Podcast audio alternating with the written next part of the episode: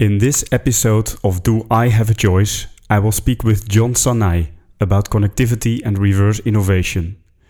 John Sanei, CEO of the Future Collective, shares trend insights from around the world. His South African organization recently published three videos about trends on YouTube. One of the movies was taped in Langa, a township in Cape Town. Sanei reflects on two very interesting developments that we can learn from the people from Langa connectivity and reverse innovation. What can we, entrepreneurs in the west of Europe, learn from those trends? Do I Have a Choice? A series of podcasts dedicated to entrepreneurship and technology. Hosted by Pieter Jan van Wijngaarden. John Sanei, you are an expert in translating global and local trends into a company strategy. You travel all around the world to read or sense what is going on uh, in the world of business and economics.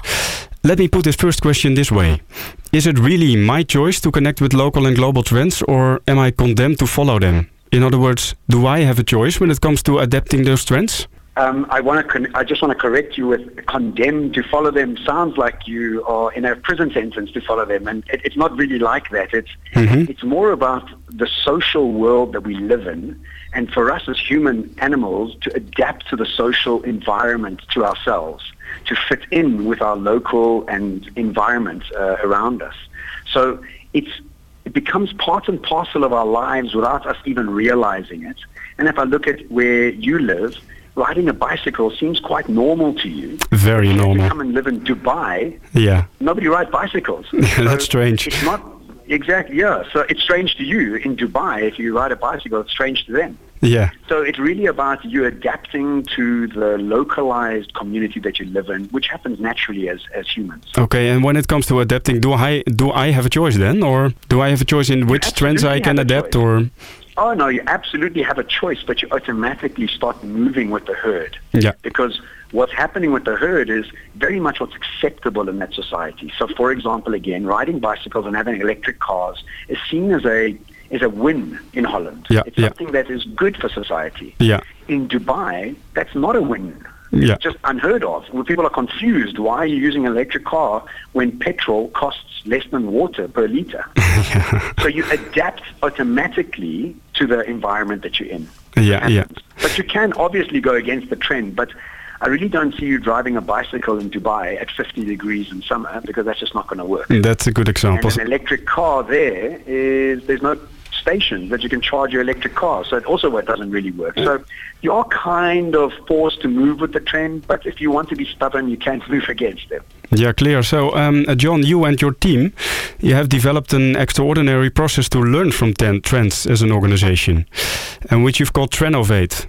How can I, as an entrepreneur or a businessman, uh, businessman, learn from trends around me? Do you have suggestions? Well, you see, most businesses today are are forced to innovate and continuously innovate. And because we are in a position to want to innovate uh, all the time, we are sometimes confused of who we should be innovating for, at what level we should be innovating, and how far ahead should we be innovating. So because the closest thing we have to a crystal ball in this world today are trends, mm-hmm. trends are there to advise and to give direction to the innovation. And that's mm-hmm. why Trenovate was born. As a businessman, it's really cool to go and look at all the trend sites.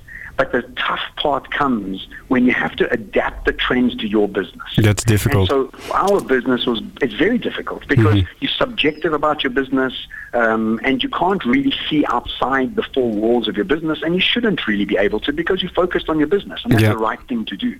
But our business was born because we're able to come in to um, educate and inspire and to make our clients brave enough to want to follow the trends that we're educating them on and to be very objective about their current business and the market that they're operating in. So as a businessman, what I would do is I would find a company that is able to understand the trends and to be able to come and help me uh, and inspire me to shift with them. Because trust me, it's a scary process to leave something that you've been doing for so long to adopt something new. And you have to have somebody in your corner that's taking you through the process step by step. Yeah, so you have to make a translation from the trends to your own organization, to your own product. And you say that uh, people from outside, uh, they, they can help you in that process. Absolutely. So if you think of yourself, you're wanting to become a great marathon runner or you want to enter the Olympics, what do you do? You find yourself a well uh, versed coach. Mm-hmm. And that coach then is able to give you new goals to move towards, is able to educate you differently. And then what you're going to do is find a nutritionist and a masseuse, and you're going to surround yourself with a team of people that can give you objective, educated viewpoints to make you a better marathon runner or an Olympic athlete. And business in, day, in today's day and age needs those um, experts and entrepreneurs, um, experts and, and, and sort of uh, thinkers around them so they can advise them accordingly. Yeah, those supporters. Yeah, coaches. Yes, in, uh, John, in one of your Trend Insights videos, you talk about connectivity as a trend. Uh, from Langa, you were saying that even in a township, people spend uh, more than 35% of their income on airtime. Uh, I was wondering, what does that mean for for businessmen and entrepreneurs here in Western Europe? Well, I, you know, it, it, it only means anything if a businessman in Western Europe wants to go and do business in Africa or a less affluent market in the world. Mm-hmm, it doesn't really mean anything other than that. But you've got to understand that in the less affluent market, especially in Africa, um, the, the rate at which airtime is used is much higher than other less affluent markets because of the African traditions of storytelling. Okay. The storytelling phenomenon has been something that Africans have done extremely well, and that's how they send their wisdom uh, across generations. And so what's happened now is that the process of um, of storytelling has moved onto airtime and onto telephones. So the platform so of storytelling is uh, is changing. It's changed absolutely. And so we're seeing this, this, this move happen in a massive way. And you've got to understand that Africa hasn't even started with connectivity. You know, our connectivity is way behind Europe, mm-hmm. and already the, the, the build-up is so quick and so fast based on the storytelling sort of mythology that Africans carry. Mm-hmm. Mm-hmm. Um, but we're also seeing that because of this, we see that there's a huge brand of bus transportation company in Uganda that is become so popular because they were the first bus company that offer free Wi-Fi on their buses. Mm-hmm, mm-hmm. and so people in those parts of the world prioritize airtime, and anytime they can get to a place with airtime, and if it's free, even better, and they will then support that business. So, if a Western businessman wants to do a Western Euro- uh, a businessman from Western Europe wants to do business in one of these markets, they must be angling themselves with connectivity and communication in one way or another. Yeah, so trends are, or, uh, are also very um, uh, specified to different markets and uh, region, as I understand it well.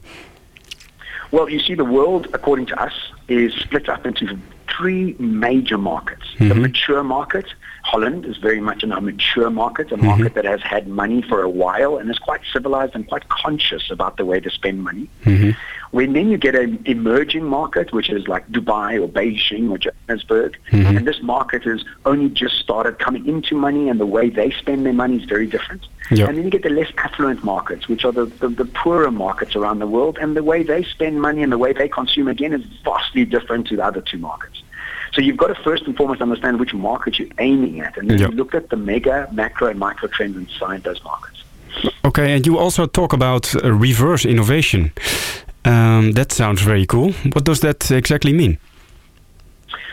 So, you know, um, I, have I've lived in Africa my whole life, and, and, and I've always seen this reverse innovation as such a wonderful thing that happens around me. Is reverse innovation is, is innovation born through necessity. Mm-hmm. It's born because people don't have the finances or the science labs that the Western world has. And so what they do um, in, in the poorer areas, they come up with very novel and very affordable ways to create innovation. Mm-hmm. So one of the things that we saw on the Langa trip was a mechanic that had gone to a washing machine graveyard where they throw all washing machines away mm-hmm. and started using parts from a washing machine to help his um, garage that fixed cars. So it's the it's the combination and the very frugal way of thinking that creates reverse innovation. So you can see reverse innovation in technology, in medicine, in science, and in many different and wonderful ways where you see that much cheaper and better ways of, for example, detecting breast cancer has come out of Botswana. Mm-hmm. Um, of fire detection devices um, were using radio frequencies developed in Africa that now is now traveling around the world. And, and so what, what does that say to you? Yeah? What does that say Sorry? to you, the, the, this development of reverse innovation? What, what can you learn from it? Well, you see, the thing is, is that unfortunately in the Western world, there's luxuries around us, and we can't act like those luxuries aren't there. Mm-hmm. But the reverse innovation puts us in a place where there are no luxuries. Yep. You have to swim or drown. Yeah. So because you're forced into that space, your actions change. And yeah. so the way you start thinking is different. So it can teach you a lot. And, and a lot of the reverse innovation has happened from Canadian or English or Moroccan researchers that are in Africa yep. that then start understanding what is needed but use the resources that are around them, which are very, very little compared to their yep. Western counterparts. Uh, John, you have traveled around um, around the world to Amsterdam, Utrecht, uh, Dubai, uh, other places uh, last month. Um, what uh, did strike you most in uh, in these travels?